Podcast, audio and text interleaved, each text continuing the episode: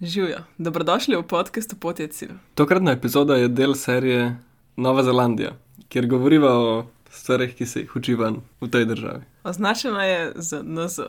Če vam je ta epizoda všeč, poiščite to znako še pri ostalih epizodah. Lepo poslušanje želiva.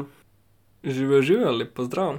Živijo sem, evo danes, kot že rečeno, bomo šli na še eno poslastico Nove Zelandije, se mi zdi, da na najboljšo od vseh.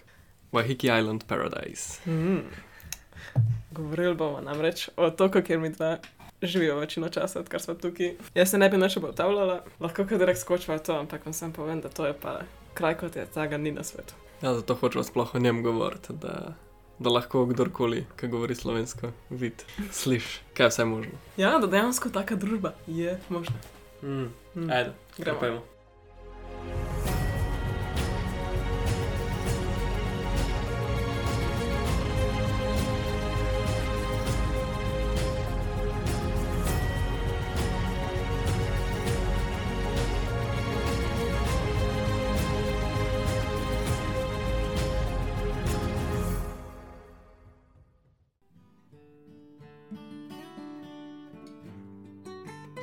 Začetek se nam je zdelo najbolj pri, pritično, da povejo sploh, kako so se kle znajdle, ker Ja, ne najdeš ti tazga placa, ta plac najde tebe. Nekako tako. ja, tako nekako gre. ja. To je tudi bilo, ker za naj je bilo tako, da sem jaz v bistvu bila najprej sama v Novi Zelandiji in sem bila v Aucklandu, v največjem mestu, tri dni, sem prej okala tri dni, ker je bilo absolutno grozljivo biti v mestu na drugem koncu sveta sama. Nisem vedela, kaj naj. In sem potem objavila na eno skupino v Facebooku, kjer so ženske iz vsega sveta noter. In, vpraša, in povedala mojo situacijo, vprašala, kaj naj naredim. In en odgovor je bil od milijonih, ki me je poslal na Vahiki. In ne vem zakaj, ampak tega sem zbrala ta odgovor in jaz sem pakirala svoje stvari, naslov našla na Vahiki. In spomnim se, da to je drugačen otok, ki je 30 km stran od tega največjega mesta, zelo blizu, samo na en trajekt greš pa si tukaj. In spomnim se, da takrat me je moja baka vprašala, Evan, zakaj pa ti nosiš vse svoje stvari s sabo, če greš sam na dopust na ta otok za par dni? Pa sem jaz ne rekla, zato ker imam feeling, da bom tam ostala za skos.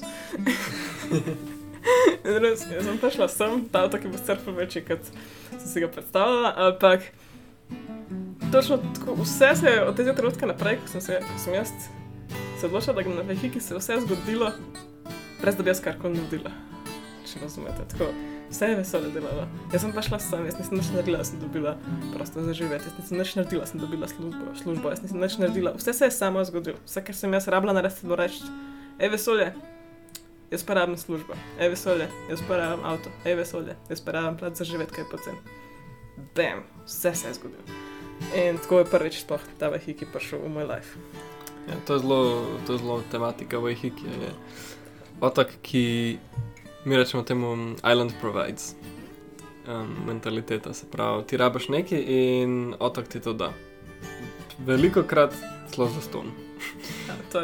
Veliko krat zelo brez, da bi ti rabil karkoli narediti, razen zaželeti na glas Ja. ali pa zelo potih. Hmm. Prav res.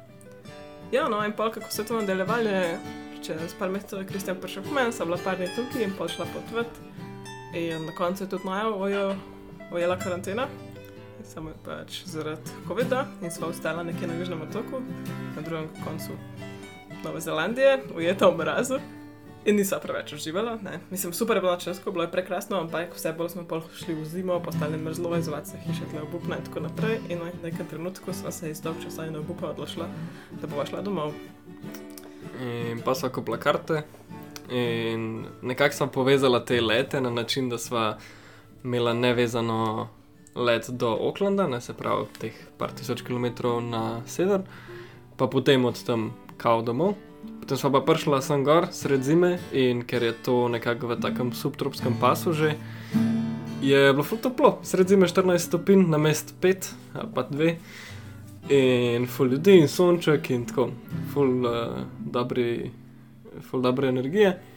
In nam je prišel v Hiki na pamet, in potem, ko so dokončno skenslali karte, so rekli, ok, mogoče pa se sploh ne trudva napredati, pa da vidva, kaj se zgodi.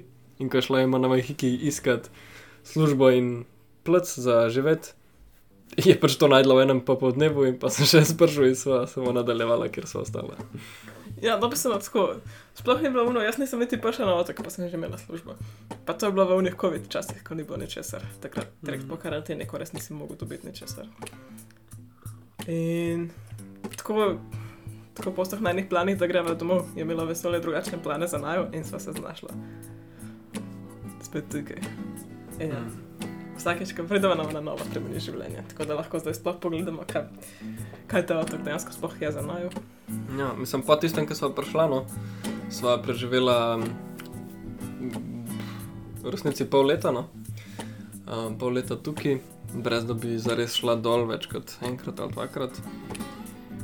Mm, kar se tiče mene, najbolj norih pol leta življenja, sem, da sem v tem, v tem šestmesečnem obdobju naredil največji, največji preskok svojega dojemanja sveta in sebe. In tako res sem odkril, kaj to pomeni biti človek. In potem smo šla potvrt, no pa so se pa spet vrnila nekaj mesecev nazaj in smo zdaj že, ne vem, tri mesece tukaj, štiri. Tako da um, nadaljujeva to najno. Island mentality life. Ja, po potovanje po delanju v Ehiki, ja, naj dom. Ali ko bi temu rekel. delanje v Hiki je naj to. Mogoče tudi delanje slovenščine naj naj materni jezik. To tudi, to tudi. Ne, res, fule kul, cool, ne, se veš, ker nekje živiš toliko časa, pa ker poznaš ulice, pa številke, pa hiše, pa ljudi, pa ker vse ti je tako domače, ne. Vse je domače. Ja. No, in v bistvu to je en tak otok, ki ima 92 kvadratnih kilometrov, vse skupaj, dosti majhen v resnici. S tem, da pol tega otoka je privatna last, se pravi, cela desna polovica otoka je neuporabna. Na levi polovici vsi živimo.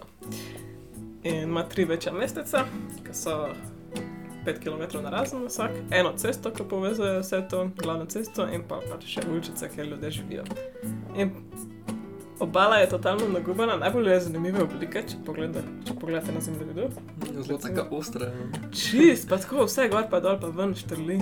Zelo tako, ne vidiš takih otokov, res je malo poseben. Tako da je ogromen zaliv, ogromen plaž, plaže so veš, sanske s peskom, takim najbolj finim, lepim, z najbolj bistrim morjem, oceanom okoli tebe. Tako. Iz največjih sanj, palme posod, monstere posod, tako, mm, tropsko čist. Bo dala kakšne linke v, v opis, samo tako malo slikic. Mm. Ali kakšen Google search. Zmenjeno, Ja, tako da si lahko predstavljate. Ampak ja, dejansko na, na pogled je to popoln tako Paradise Island. Tisto, ki greš na, na svoje medene tedne, tiste neskončne plaže, ki imajo ob oseki, imajo res 100 metrov peska, kjer se ljudje sprehajajo in psi lafajo gor in dol. In tako, Tako je. Res noro. Mislim, tudi je tropski otok, po drugi strani tudi ni. No, jaz, kakor, je, kakor sem rekel, na ta klima tukaj je nekje tam subtropska. Um, to pomeni, da so zime, v kateri smo zdaj zelo tople, se pravi, minimum je tam 5 stopinj, ponavadi smo tam okrog 10-11. Zdaj, ker je proti koncu zime, je že tam okrog 14-15 stopinj tudi. Um, pa velik dežja, mislim, relativno velik. Medtem- Sred zime, ja. Sredina je, medtem ko poleti pa ni dežja. Sploh na tem otoku, ker ni um, tla, ne zadržijo več vode, oziroma so samo narejene iz uh, kamna in gline. Dejansko ta voda ne ostane, zemlja je tudi zelo nerodovitna, tako da uh, vode na otoku zares ni. No. Imamo en potoček, ki poleti malo presahne, tudi lahko, ampak to je pa tudi to, kar se vode tiče. Mm. Ja, kar se tiče pa recimo rastlinstva, je pa tako, no, fule dobro, ker je zim zeleno, rastje in je dejansko skozi zeleno. Še več, tukaj rastline nimajo čist dobrega tega smisla za, za letne čase in pač ene cvetijo sred zime. In pa imaš dejansko vse čas neki cveti, vse čas je neki v barvah, vse čas greš lahko ven, pa nabereš res lep šopek. Samo iz stvari, ki rastejo okrog. In To je tako, sivka raste, banane rastejo, ja, One rože, brzo paradise, kaj so. Rajske ptice. Rajske, ja, rože, rajske ptice. Ja, jaz grem ven, če ima v obletnico zimo, naberem lepo rožice, naredim šopek. Ja, res. Enkrat sem prav googlal, da v Sloveniji tak šopek stane 40 evrov. Nek mi se ven prenese iz vrta. No, ne ti iz vrta, iz divine. Ja, kar se pa tiče reliefa, no je pa, čeprav je um, ob oceanu, je pa najvišji vrh, 100 metrov? Ja, je, je najvišji vrh nekaj 100 metrov visok in dejansko je skozi gor pa dol. Mm, redke, so, redke so odseki, ki imaš samo ravno, tako mogoče ob oceanu. To tako, ne. ja, tako kakšna ravna črta se zgodi, ampak vedno je gor, dol, gor, dol, tako zelo hribovita pokrajina. Mhm. Ja. To se mi zdi, da si največkrat, ko jaz razlagam o tem otoku, se ljudje največkrat predstavljajo, da je čisto raven. Meni je tako naravno, da res, s kolesom je noč ne more se tle pelati. Grip, dolnica, grip, dolnica. Ampak meni je pa full cool, ko grem recimo na teč in pol imaš kakšne cele odseke ceste, ki grejo skozi gost in dejansko se ti pokrit z gozdom. Tako, okrog in okrog je samo gost, ker dejansko okrog hiša, ne pač kar ni tako neka trata. Imaš full dreves in je full normalno, da se ti kar naenkrat znajdeš sred dneva v eni taki temni atmosferi z full nekimi palmami, pa praprotmi, pa res cela džungla okrog tebe se zgodi, samo zato, ker pač nekomu paše imeti na dovozu malo bolj džunglasto, pa pač ne poseka teh dreves. In je res magic, meni je to tako lepo. Še ena od ful lepih stvari na tem otoku je ta povezava z naravo, ki jo vsi imamo. Ker načeloma to zelo hitro zgine, še posebej, če živimo nekje, kjer narave ni tok. Tukaj smo seveda pač blagosloveni s tem, da je ocean posod okoli nas, da so posod drevesa in res si konstantno v stiku z naravo. Ampak je to odpeljano še na naslednji nivo. Tukaj mi pač nimamo vodovoda. In voda, ki jo dobimo, je samo deževnica. In to pomeni, da ima vsaka hiša svoj tank in vsa voda, ki pade na tvojo streho, bo šla v tvoj tank in ti boš potem porabljal to vodo. Ta voda se pa filtrira in pride v tvojo hišo, s tem se to širiš, to piješ, tem kuhaš, tem pereš. In ti da to neko zavednost, ozaveščenost v uporabi vode. Glej, to vodo mi je dala narava in jaz se bom pač porabila s spoštovanjem in s previdnostjo, se pravi, ne vno tri ure tuširanja, ne zavijam banja. Jaz sem se včasih doma, da bi se nakopala tako štirikrat na teden v banji. Pa sem prišla od doma praktično direktno v hiki in tako lepo ugotoviš, da v bistvu pa obstajajo tudi drugačni načini življenja in obstaja tudi ta povezava in spoštovanje, eh, spoštovanje do narave, do vode, do surovine, ki je primankuje. In nič nam ne manjka, nobenemu čist nič ne manjka, tako da to je full obilje. Mi imamo čakuzi tukaj, pa imamo dosti vode za to, pa to več ni to, da zdaj ni vode. Pač, samo treba je prilagoditi življenje na tako spoštovanje narave. Ja, Pride zelo zraven ena ta hvaležnost. Tako, Mm. Karkoli se zgodi, tukaj vsi so vedno veseli, um, zelo hvaležni. Recimo, če je sonce, smo vsi veseli in hvaležni, ker je sonce, ker imamo vsi radi sonce. Mm. In rastline rastejo, in mi, mi dobimo vitamin D, in fule lepo. In še, še raje se greš kopati v ocean. Po drugi strani, ko je dež, smo vsi ful hvaležni za vodo, ki pada iz neba, oziroma pač ne bomo rabili kupiti vode, vse imamo nekaj par vodnjakov na otoku, kjer pa lahko dejansko kupaš vodo, takrat, ko ti jo zmanjka. Ampak nočeš kupiti vode, pač, ker je drago in ker zakaj bi, če lahko si samo zadosten s to državnico. In spet, dež pada, jaz sem full vesel, sploh zdaj, ko Ja, imamo hišo, pa veliko porabljamo vode, je tako lepo videti dež, pač vsaj veš, da, da bomo imeli dovolj vode in tako naprej. Tako da, fu, me- meni je to res tako dobro. Ja, jaz ne vem, zakaj to ni povsod, res je taka, taka pristna povezava z življenjem, z naravo. In tudi Ja. ta, nekako ta zavednost, ki ti to da, res. Jaz se počutim, da zaradi tega živim tudi veliko bolj naravi prijazno in veliko bolj na način, ki ne uničuje dobrin narave. In hkrati tudi popolnoma samozadostno. Ja, mislim, jaz bi si zaradi videl še več teh solarnih celic, ne? se mi zdi, da to, to imamo še potencial, da se še od tega malo osvobodimo. Ampak, ful, mislim, mene to vsak dan bolj mi odpira oči, kaj je vse možno. Ne? Ja, ampak tukaj imamo recimo smetarje, ki so električni. Imamo avtobuse, ki so vsi električni. Mhm. In tudi Vahiki ima vizijo, da bo ne vem do katerega leta postal popolnoma električen, nič več ne bo um, na benzin. Ja, pa tudi avto je res veliko, tako bi rekel, vsak ne vem, peti električen, Ja, ja, čist. kar dosti jih je. Sploh ne, ker imaš pač rahlo bogatejše ljudi, pa si lahko malo prvošče tudi. Ne? Mm. Vse gre z roko v roki. Pač. Zaenkrat um, ta skrb za okolje je še dosti draga, tako da pol gre z roko v roki, da si kle lahko to, to malo prvo šmo bolno. Drugače pa ta, ta otok turistično najbolj znan po vinogradih, ker tukaj je tisoč vinogradov, da se tako. Ok, ni tisoč, ki je premehen otok, ampak res jih je pa tam, mislim, da jih je okoli 90. Res veliko vinogradov. Uh, in potem ljudje pridejo na te ture, ne, ki se peljejo od enega vinograda do drugega vinograda, od ene restauracije do druge restauracije. To je tako prestižen otok, full bogatašov živi tukaj, bogati ljudje prihajajo na ture vina, probavanje, dobro hrano. Tako, tako nekako resnici Mhm. gleda. Mislim, da pride milijon ljudi na leto, no? vsaj Mm. mm. v tistih časih turističnih, čeprav zdaj ni nič manj no, turističnih. Jo, še vedno je polno, ja. Um, ampak je pa zelo tako. No. Človek bi rekel, včasih je bil, no, se pravi, ne vem, 40-30 let nazaj, bil to zelo hippie island, ker je v bistvu tukaj bila ta um, alternativna kultura zelo močna. No, zelo tako, ljudje so se šli v naravo, malo odpočiti, brez tehnologije, brez uh, cest, praktično brez elektrike in tako naprej. Je pa potem v zadnjem času, ne, spravo zadnjih recimo 20 let, 10 še najbolj, je pa postal hiperbogataški otok in sicer to do te mere, da pač ljudje se parkirajo s svojimi barkami tukaj, ne? zdaj se gradi celo marina, kar je zelo kontro, kontroverzno. Ampak kakorkoli, ali pa preletijo s svojimi helikopterji 12 minut iz centra Oaklanda. To se konstantno dogaja, večkrat na dan. Ja. In pač imajo tukaj svoje tiste um, izrazijo, s- se pravi, nekako izživijo svoje bogataške sanje, ne, da lepo se fancy oblečejo, pridejo v to restauracijo. Meni je to ful smešno govoriti, ker jaz to pol kot, ne, recimo temu domačin, pol to gledaš in si tako malo, ja, da kaj se kle igrate te igrice, veš, malo, malo tako imaš. Malo je vse smešen, pa žalosten skupaj, ampak dobro. Si rečemo, le, vi nam prinašate denar, mi imamo službe zaradi vas, tako da ne imamo. Ja, ampak dejansko to dejansko tako zgleda, da ljudje pridejo s helikopterjem, se parkirajo dejansko tam pri restauraciji, ki, je lasni, ki, je pač, ki ima vinograd. Oni se parkirajo, sprehodijo dva metra v restauracijo, pojejo kosilo, spijo vino in se nazaj sprehodijo helikopter in grejo.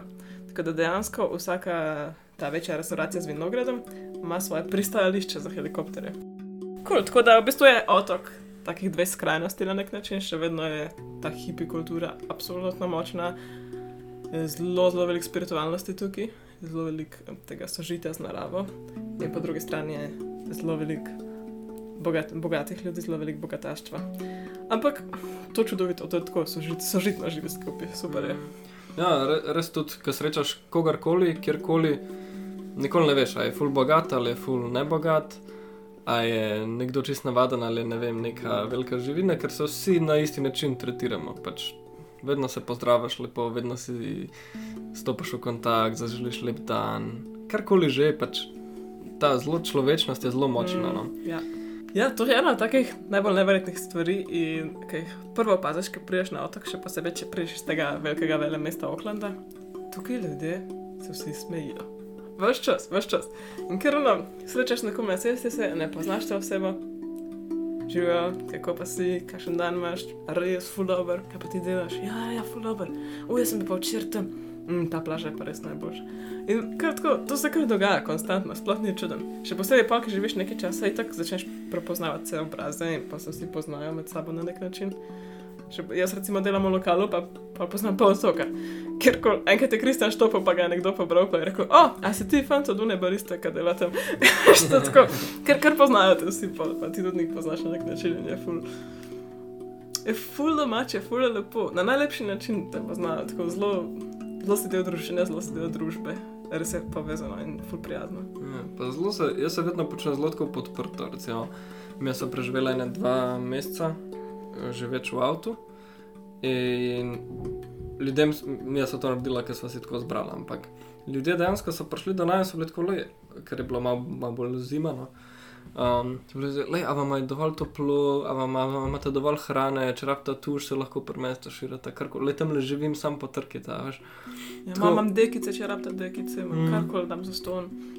Ja, re, res vse čas čutiš to to podporo, no pa tudi recimo štopati je najbolj simpel. Ker, To je res. ne, ni tako, da ti 30 avto ostaja, ampak tako tretji avto ali pa prvi avto. To je res. Ja, pa vedno je najboljša dogodivščina, ker to je res tako otok skoncentriran najbolj neverjetnih ljudi. Je pa vedno torej 10 minut, ki se peleš, kaj tako se nikoli ne moreš pelati več kot 10 minut, ker je vse tako blizu. Imaš tam tako neverjetne pogovore in si tako, wow, jaz sem vedno čez navdušen, kaj grem štopati, prijem domov, Ja. srečna. Prav, da ima ta otok dušo, oziroma spirit. In Mm. če te ta spirit pokliče, potem ostaneš. Kle. Zdaj staneš malo ali pa za celo življenje, ne? ampak zgodbe, ki jih slišiš, res.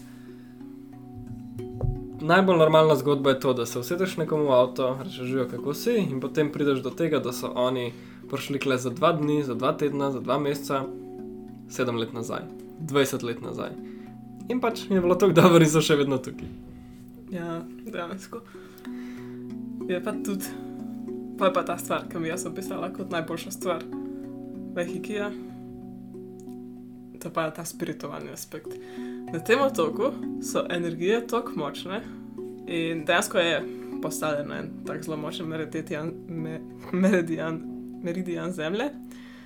Pravijo celo, da glavna cesta poteka prav po tem meridianu.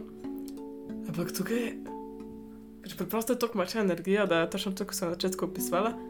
Karkoli pomisliš, se zgodi. Karkoli se zaželiš, se zgodi. In manifestacija se dogaja v trenutku. Ti pomisliš na sebe, konc veš, da jo boš videl čez par minut ali pa ur. Tako neverjetno je. Energije tukaj so fenomenalne in zato je tudi večina ljudi na tem otoku zelo globoko vrženih v spiritualnost. Ja, se to gre s tem roko v roki. Pač. Ko začutiš ta otok, si tak ti posebej, oziroma si pripravljen na to svojo pot, čeprav se mogoče tega ne zavedaš iz prve. Pa po drugi strani pač vsi, ki ostanejo, to spodbujajo, tako da se to samo taka pozitivna zanka, ki se mm. propagira. Pol. Da so ljudje tukaj res, ne vem, pripravljeni rast, to se mi edina skupna lastnost. zdi. Tako pripravljeni odkrivati kjerkoli aspekt življenja. Tako, ni, ni, da bi se kdo zapiral ali pa da bi bil proti čemu. Tudi kar, vse, kar se dogaja v skupnostih, je vedno all inclusive. Vsi so dobrodošli, vsak način razmišljanja je dobrodošel. In tudi bizaren primer, ampak boste, boste v Sloveniji dobro razumeli. Tukaj je tako, glede cepljenja. Cep se, če se hočeš, tukaj imamo infrastrukturo, da to naredite, ful so prijazni zdravniki, ampak nihče pa nikogar ne, ne sila. Pa tudi tako, izmenjava mnenja je vedno zelo pač človeška. No? Tu se podpira vsakega, da Ja. mislim točno to, kar hoče misliti to to. Je, tako da tudi taka pereča tematika, kot je to, kar vemo vsi, da se lahko ljudje začnejo klet med sabo.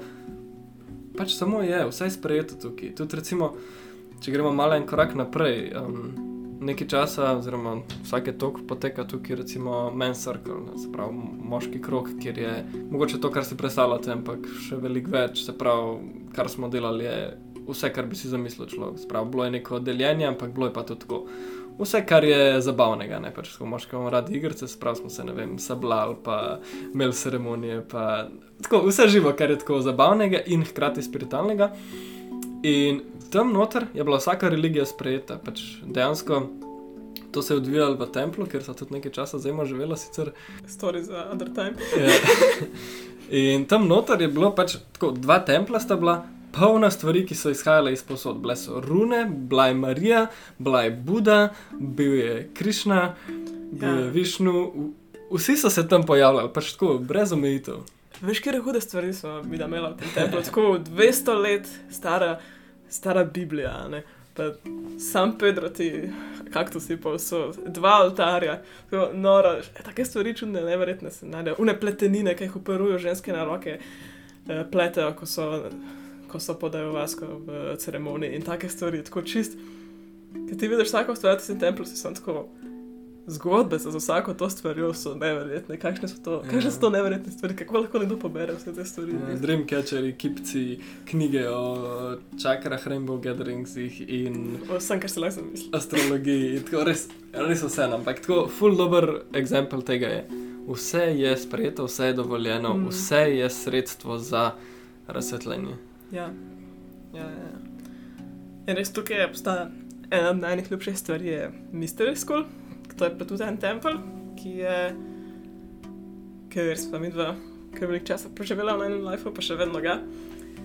In tam se odvijajo vse možne delavnice, vsak torek je tam bobnanje, vsi pridejo, so taki čudoviti, stari, lepi, mislim, na roke narejeni bobni, vsi bobnajo, vsi plešajo, take neverjetne energije.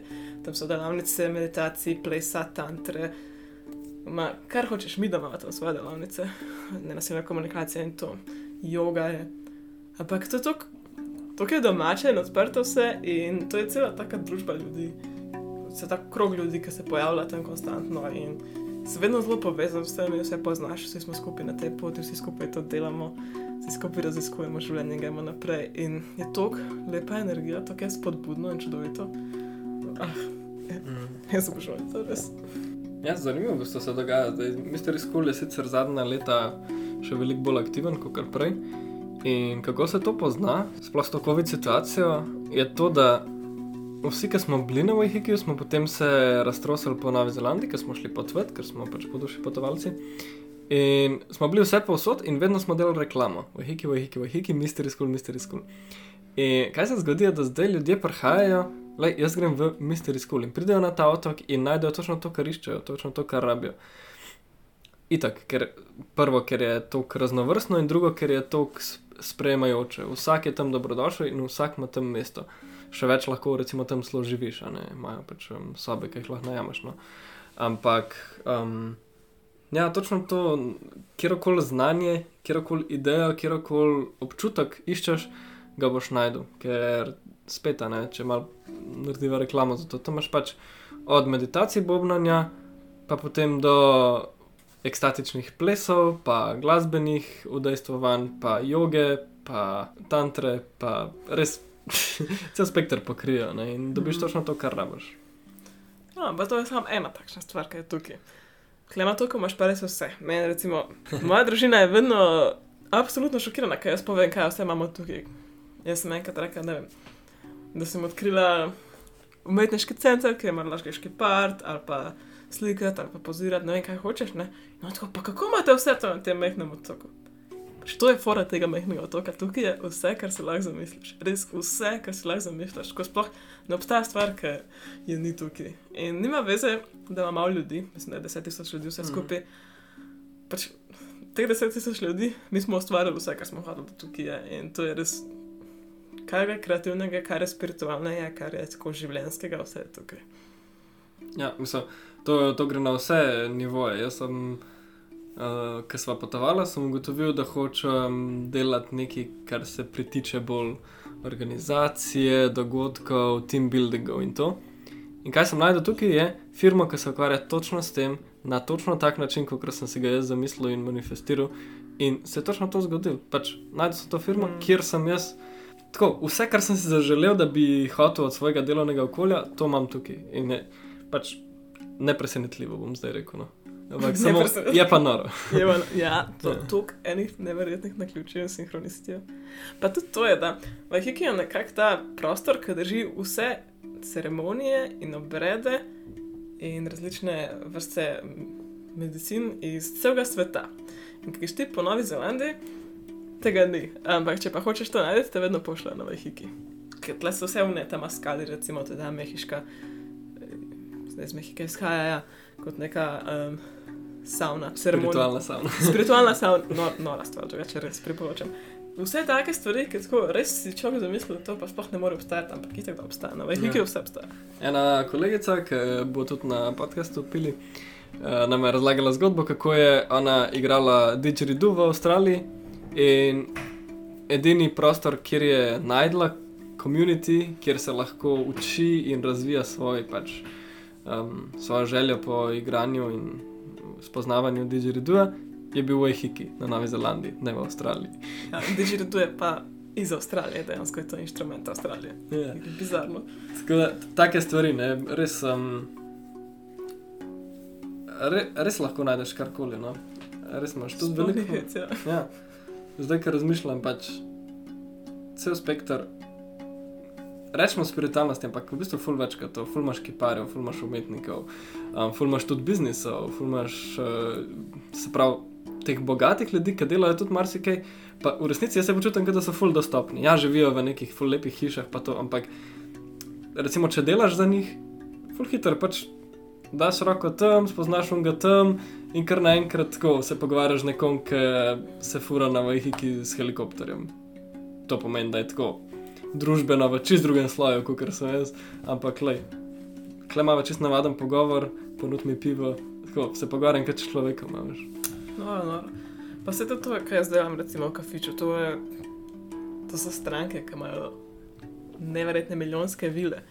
Ampak ti sploh ne veš tega, tako da dokler mi nekdo ne pove tega, jaz sploh ne vem, ker so oni tako preprosti, čudoviti, vedno zaklopitajo se, vedno tako ponudijo, Mm. ok, absolutno so tako čudoviti. In nimaš nima, ni, te, ni te družbene razslajenosti, res je ni. Ja. In- Ful je- je dobra tudi stvar eh, med bogate na otoku, ker potem ta manifestacija fizičnih objektov deluje ful dobro. Kaj, kaj s tem mislim je, če si ti zaželiš juicer, eh, sokovnik, napišeš na naš community board, se pravi na oglasno desko, ki jo imamo na Facebooku, tam notor je res, mislim, da 10 tisoč ljudi upletenih in približno vsak bo videl tvojo objavo. In rečeš, iščem sokovnik, ama kdo. In potem ga dobiš za 30 evrov, full over sokovnik. Ali pa recimo, mi smo hoteli igrati tenis, ker imaš tukaj za ston teniška igrišča, boljša kot kjerkoli, ki sem jih videl v Evropi. In- Za ston, za ston. kadarkoli odprta. In smo napisali na Facebook, iščeva loparje. In smo dobili za 30 evrov loparje, ki je doma plačal 100 evrov za vsakega, po moje. Ampak enostavno, tukaj imamo mentaliteto, dovolj je za vse in samo pač tako, bolj simbolična ta izmenjava, se mi zdi, Mm. kot pa karkoli drugega. Ja, in to je tudi ena stvar, zdaj, ki si glih to omenil. Meni je to všeč ta pretočnost stvari, ta uporaba second hand, se pravi, da se še uporab nekaj, kar ti več ne rabiš, da ne damo v smeti. Tukaj je na Novi Zelandiji nasploh, pa na Vahigiju seveda še več, je zelo močna ta ideja tudi um, trgovin za rabljeno robo, second hand shopov. In to so najlepše štecune z najlepšimi oblekami, pohištvi in ne vem kaj vse. Mislim, ker predstavljate si otok, kjer živijo bogataši in dajo obleke v te second hand shope. Ja, pa, pa jaz kupam vse znamke za tako 3 evre. A Ne, pa, čudovite obleke, res čudovite, čudovite. Sploh ne veš, sploh jih ne rabiš. To, sploh tako, jaz včasih hodim pa sem tako, wow, kakšne obleke. Wow, ampak itak ne bom nikoli nosila, kaj ne vem. Mm. In na ta način deluje vse, na ta način deluje pohištvo, hladilniki, um, les. Resno, kar si zamisliš, sploh ne veze. Ful pogosto je, so zaston stvari. Ja. Tako, res, res pogosto. Pač. Mi smo dobili hladilnik za ston, zato ker je bil na ulici in je imel gor free. Um, kva so dobila še vse, mize, stole, Pomivalni stroj. pralni stroj za dobiš za ston, ja. Pralni stroj. Pravi, ja, pravi, pravi.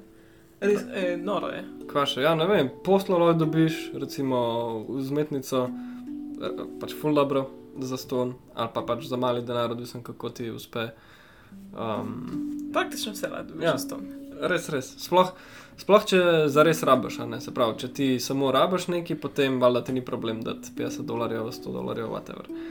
Um, ampak recimo takrat, ko pa ti je težko da 100 dolarjev, pa napišeš, le, meni je težko da 100 dolarjev, a ima mogoče kdo za ston za me nekaj, kar rabim. Hmm. To posto bo nekdo prišel, ampak ne nekdo, tako štiri ponudbe boš dobil, lahko boš zbiral, kjer boš hotel. To je tako, brez heca, to ni, to ni Ja. tako, ja, se zgodi, ne, se zgodi vedno. Recimo ena ful dobra zgodba. Enkrat je nekdo objavil na, ta, na to Facebook oglasno desko, da je njegov sin, ki je imel 12 let, ali 13 let, se mi je, da je včeraj imel prvi dan v službi, kadarkoli v življenju, in je zaslužil 160 dolarjev, dal teh 160 dolarjev v žep pod polovarja in se šel kopati na eno plažo in potem pozabil polovar. In je bilo vprašanje, a je kdo naredil ta polovar. In nekako po vseh teh se pač polovarja ni najdlo, ampak se nek domačin, nek domačin napiše na post. Uh, Le ni problema, ful čutim, koliko mora ta fantak trpeti, da je izgubil svojo prvo plačo. Jaz sem pripravljen dati 20 dolarjev za njega, a še kdo. Na koncu so zbrali toliko velik denarja za tega fantka, ker pač ker vsi so se javili, da bo dal 20 dolarjev za tega fantka, da bo ful več denarja, ker ga je sploh kadarkoli pridelal. In, ampak to je tako, to je normalno, tle se to dogaja. Ljudje si pomagajo, kaj pa je 20 dolarjev dati nekomu, k, da mu lepšaš dan. Mm. Ja, pa jaz to čutim pri sebi, jaz imam tako prav veliko željo pomagati, vedno, kadar lahko. Mm. Sprav tako, ni mi niti mi ni vprašanje ali pa tako notranja dilema, a bi, a ne bi. Če se pelem po ulici, pa vidim tam, da nekdo premika eno gospo, ki se je z vozičkom zataknila v nekam, ustavim sred ceste, žmigovci in grem tja pomagati ven. Niti besede ne rabim reči, reči adijo. Ampak to je tako, to je default. To je normalno, ja. Isto ono, vidiš nekoga zataknjena z avtom, se pridružiš, porinemo skupaj, odpeljajo, normalno, se Čau. naprej sprehajaš. Ja. To je tako, vsak dan je tak. Ali pa ne vem, če ima nekdo luči pržgane na avtu, ni tako, ojoj, ne, ne paše mi govoriti s tem človekom. Ne rečeš, le, sam da veš, luči imaš pržgane, ne ima se ti izklopijo, sam ali karkoli, ampak jaz vem, da če mi nekdo to reče, sem full hvaležen, ker drugače imam prazno baterijo zjutraj. In to je tako, to je osnova, ni, ni osnova, ne pogovarjamo se, pa je izjema, da se pogovarjamo. Izjemno se mi zdi takrat, kadar ne. Recimo, jaz dam roko v ogenj za to, da če ti pade 50 dolarjev na tla, pa te, nek, pa te nekdo vidi, bo laufa za tabo, pa ti rekel, hej, padal ti je dol. Pa jaz sem to videla drugače, tako da ti daš lahko Okej. Jaz sem videla, da je denarnica padla nekomu, pa je pa nekdo laufa za njim. Vkor, če ne bi ta sejali, pa jaz, pa še Ja. ostalih ful ljudi, ki je bilo okoli. Ja, tako resno. To je community Next- preko tega, kar ja. ne, mo ne moreš opisati sploh. Tako, lahko še dava en primer. Um, tukaj hiše imajo ključavnice, nimajo ključev, ker ne zaklepamo. Ne zaklepamo avto, ne zaklepamo hiš, ne zaklepamo ničesar. Ja, kole, pač prideš v štacuno, daš kolo v zuni, greš v štacuno, prideš ven, vzameš kolo in greš. Niti se ne trudiš, da bi ga tako kao zaklenil ali pa karkoli. Ja, Avto isto. Najn avto nikoli ni zaklenjen. Naša hiša nikoli ni zaklenjena. Jaz realno še nisem živela v hiši, ki je bila zaklenjena tukaj. Pa tudi Ja. ne poznam nobenega, ki živi v hiši. Pa ni zdaj to, da bi ti zdaj, ne vem, vse, kar imaš vrednosti, dajo v ta spodnji predal, zato da če kdo pride, da ne bo. Ne, ne, ne, pač. To je tako, ko nekdo ulom komu, da slišiš to zgodbo, se vsi vprašamo, ok, bogi ta človek, ki je ulomil noter, ker mora biti res mentalno bolen. In to se vedno zgodi, ali so tako zelo na drogah ljudje, ali pa so bolni, ki naredijo kakšen tako.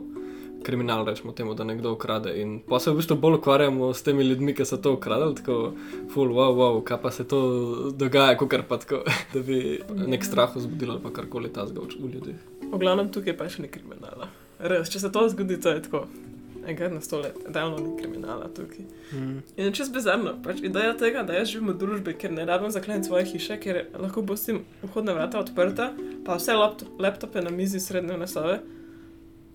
Pa vem, da nikoli ne bo noben prišel, to, to je tako. Wow, jaz pu- mi da tako pustiva avto, pa ključ v avto noter, prideš tako iz knjižnice, pa si tako, a, ups, pustila sem ključ v avto noter, še vtaknjena, veš, Ja, pa ja, ja. odklenjeno okno, pa odprta, odprta avto, in- pa vedno je odprt, itak. Ja, ja. Ampak do, do tega nivoja, da ti vse, če pustiš ključ v avto. Ja. Ali pa torbico, ali pa denarnico. A pa včasih pustiš uh, ključ na, pod desnim blatnikom ali pa gor na strehi. To so še. U, To, to je skozi. Ampak so se, pač nekje ga pustiš, da ga ne boš zgubil na plaži. Ja, vezi. Ampak, a veš, koliko nekrat sem jaz pustila telefon tako na sedežu in vedno je bil tam, ko sem prišla nazaj. Ja, skozi. To je sploh ne tako, niso sploh vprašanje, to je default. Ja, ja. Tukaj je vse varno. Pa recimo tudi um, policija, ne? policija, ki te ustavi, sicer ti dajo zapihati, to je full face, pač ne podpiramo um, pijane vožnje, tako da to, to se sankcionira, vse ostalo je samo pogovor s policajem. Sem tako živel, kako si kaj, dona, večinoma zvečer. Kako si kaj ta večer, jo, super, pa ti gospod policaj, pač se mal početaš, pa reče, a si kaj pil, nisi ok. In pa recimo, ne vem, enkrat se je Ema vozila v zadnji. Tako na, na posli, ne, lučijo. Ja, ja čist ne, hojla drija. In pa tako policaj pa veš, da bi mogla videti oba biti prpeta, ne, pa tako, ja, ok, no, prid zdaj ti naprej. Ok, za naslednji sam, da veste, lahko bi zdaj dobila kazen, ne, tako, ja, vse smo si vedeli, da ne bo dobila kazen. Ampak tako, tako so ful spoštljiv od nas, pa še vedno smo del Auckland, um, nekako, uh, Moče? ja, območja tega političnega in se moramo obnašati po njihovih pravilih, pa tudi doskrat so znaki, ki kaj prepovedujejo, pa vsi vemo, da v resnici je to samo zaradi tega, ker pač si je Oakland to zmislil, ampak noben zares tega ne, ne jemlje resno. No. To je bizarno, v bistvu, jaz veliko rečem, da je to avto brez pravil. Tukaj preprosto ni pravil. Jaz recimo, jaz sem se počutila šokirano in dejansko izdano en dan, ko sem dobila kazen za parkiranje. Ker sem že več kot en mesec parkirala več ur kot dve uri in za nacole, ker je treba samo dve uri parkirati. In to sem delala več čas in no, normalno, da to delaš in pa en dan sem dobila kazen in mi je bila v bistvu mi je bil globoki šok, ker na tem otoku ljudje res delajo, kar hočejo, spoštujemo drug drugega in se ne upoštevajo pravila. Mislim, ne, da se ne upoštevajo, upoštevajo se pravila, v korsem, ampak tako, ni, noben te ne bo načeloma sankcioniral, če boš delal nekaj, kar drugmu ne škod, pa ni po pravilih. Mm. Recimo, ena stvar je, da so prepovedani, prepovedano je delati ogenj ali pa take stvari. In, ne? In jaz spomnim enkrat med lockdownom, se pravi, ko smo bili zaprti, smo mi na plaži naredili ogenj, ki je itak prepovedan. 40 ljudi je bilo tam, ki itak se ne bi smel dobiti. In so prišli gasilci, štirje. In so bili tako, o, ful nam je žal, da moramo ugasniti ta ogenj, ful, mi bi se vam najraž pridružili, ampak nekdo je klical, pa je skrbi, da se bo kaj zažgal, kaj bo res velik ogenj. Um, ful nam lepo noč želim, oni so pa še tako skangalcovo, a veš, pa so iz morja vzeli, pa ful je bilo cute. Ampak so pa tako najbolj prijazni, noben ni nič rekel, zaradi tega, ker ne se boš to svet takrat med lockdownom, noben ni nič rekel, ker smo ogenj naredili, čeprav bi ga ne bi smel, samo ugasnili so ga. Mm. Zaželeli so nam čudovito noč, rekli so, da so ful lepe zvezde in uživamo. In to je to. Ja. Tako da ja. Pozdravljeni v skrivnem zvoku. Če veste, kateri zvok je to, nam lahko napišete na Instagram, Facebook ali Discord. Vsi linki so spodaj. Kdorkoli ugane prvi, ga čakajo čudovite nagrade iz Nove Zelandije.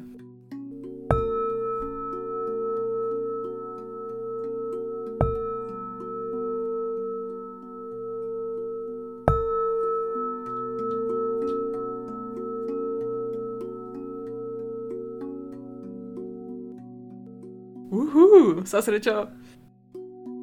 Ja, ne, mislim pa, ful, ful je en tak spoštljiv odnos, se mi zdi, recimo, klej nasploh v Novi Zelandiji so obrtniki, imajo nasploh recimo velike plače, rečemo temu, ampak tukaj se sam še bolj v praksi vidi, mogoče zato, ker klej živiva, mogoče pač je tako.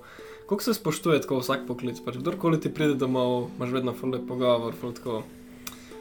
Nikoli nisem čutil, da bi kdorkoli koga po stran gledal, veš.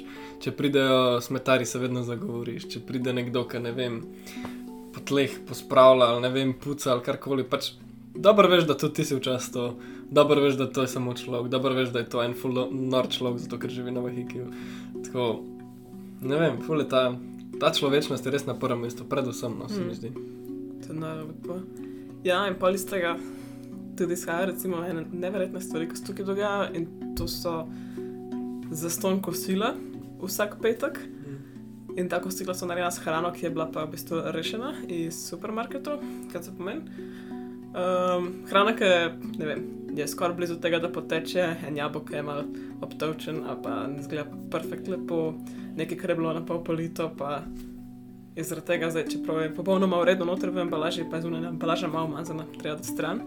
Tega je ogromno, tega je tako tone dejansko. In na Vahikiju tukaj se vsa ta hrana reš. Reš, kaj to pomeni? To dejansko imajo organizacijo, ki skrbi, da vsak dan nekdo pride, pobere to hrano, jo odpele na, na določena mesta in potem lahko vsak, ki se ne more prvočiti hrane, gre tja in vzame hrano. Pa tudi ljudje, ki si lahko prvočijo hrano, pa samo želijo to pojesti, da ne bo šlo v smeti, lahko grejo tja in vzamejo hrano. In tega je neskončno, neskončno zelenjave. Vse dobiš možno. Fancy sire, losose, meso, kar, kar si zamišljaš, dobiš praktično. Še posebej to, kar si zamišljaš, dobiš v bistvu. Ampak ja, in lahko preprosto živiš za ston, ti ne rabiš toliko kupovati hrane. Ja, in pa imaš vsak petek imaš ta community, nekako skupaj priprav to kosilo, lahko tam prostovoljno pač kuhaš kosilo, oziroma na kakršen koli drug način pomagaš, lahko pa samo prideš pojest. Ali pa, ja, ali pa samo prideš pa vzameš hrano, kjerkoli dan v resnici. In to je še ena od teh stvari, ki je v bistvu otok skrbi zate. Otok skrbi zate na vse načine, se pravi, imaš community, ki je ful pomemben, sploh recimo ljudje načeloma kle niso iz Nove Zelandije, zelo red, mislim, relativno malo, no, sploh procentualno je ljudi, ki so rojeni tukaj, recimo v Novi Zelandiji ali pa sploh na Vahikiju. Um, se pravi, ljudje, ki nimajo nujno družine tukaj, ne se pravi, ta community še toliko bolj pomemben za vse nas in ti to daje neko to varnost, neko to občutek pripadnosti in tako naprej. Tako da to je poskrbljeno za te, hrano dobiš. Um, kot so rekla, velikrat se pravi, imamo tudi organizacije, ki skrbijo za vse, ki so ranljivi, se pravi, ljudje, ki dejansko nimajo dovolj denarja za pač preživeti in grejo lahko tja in dobijo obleke. To je tako, pač, kaj za Rdeči križ, ampak ne vem, jaz ga veliko bolj dostopnega dojemam. Tako Mhm. zelo so. Zelo so prijazni, pa ni te stigme, veš, da greš ti tja. Pač. To je vse tako del tega. In dejansko se včasih se znajdeš na tej strani, včasih se, se znajdeš na strani, ki ti daješ noter um, ne vem, neko hrano, ki jo imaš preveč ali pa karkoli. Ampak tako, tak krok je, ki skozi pride, pa gre, pride, pa gre, da so vsi vse čas preskrbljeni. Ja, pa veš kaj dajo? Dajo bone za supermarket in to tako Mm.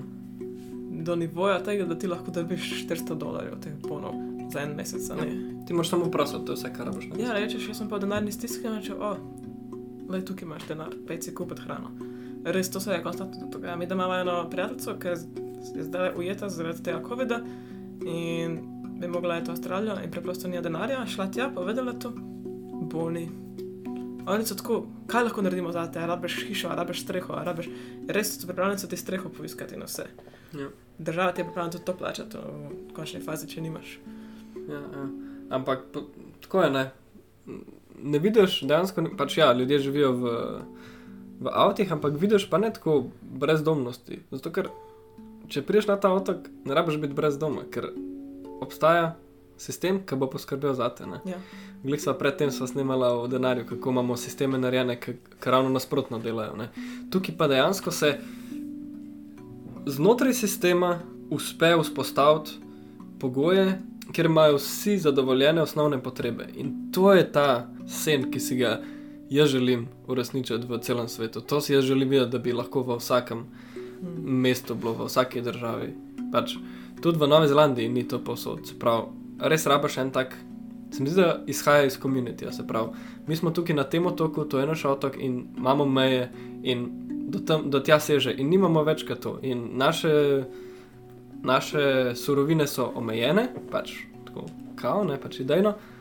In jih bomo delili, ker imamo vsi dovolj in živimo v tem izobilju, mogoče to prihaja tudi iz tega, da je veliko bogatih tukaj. Ne?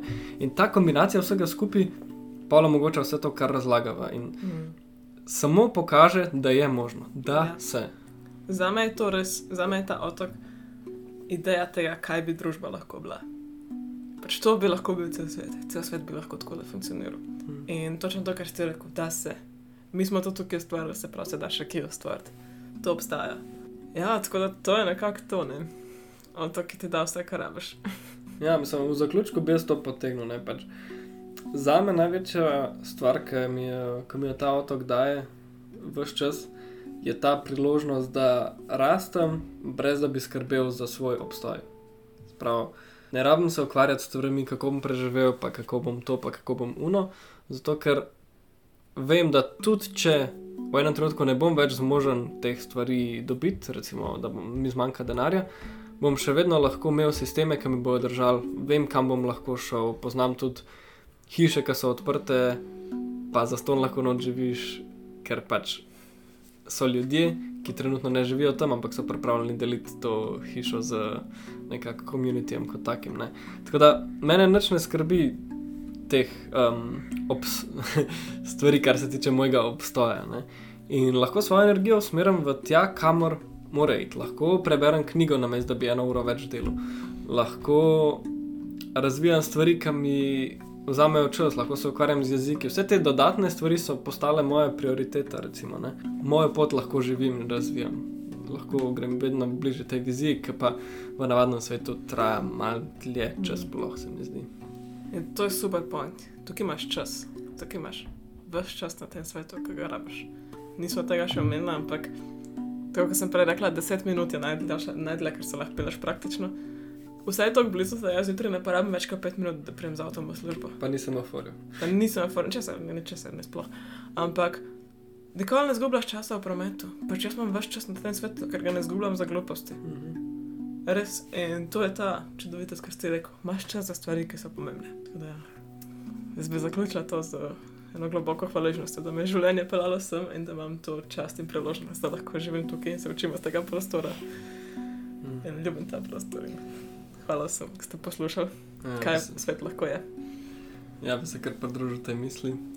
In jaz bi pa končal z eno tako željo, povabilom, mogoče tudi um, nekako spodbudo, da komorkoli, ki ga je karkoli v tej dajni pripovedi malo tako poklical, da naredi en korak v to smer, da mogoče pri sebi začne to, kar hoče videti. ne. Se pravi, jaz vem, da taka kultura obstaja in vem, da ko bom prišel v Slovenijo, bom vedno imel v sebi to vizijo, kaj se da in kaj je možno. In jaz to vem, mogoče vi morate verjeti meni. Ampak v enem trenutku boste tudi vedeli, če začneš. Če začne vsak to živeti, potem kar naenkrat to postane realnost. In za kjerkoli spodbudo ali pa karkoli, ali pa samo idejo, kako dejansko to dati v prakso, lahko tudi eh, z nami stopite v Mm. kontakt.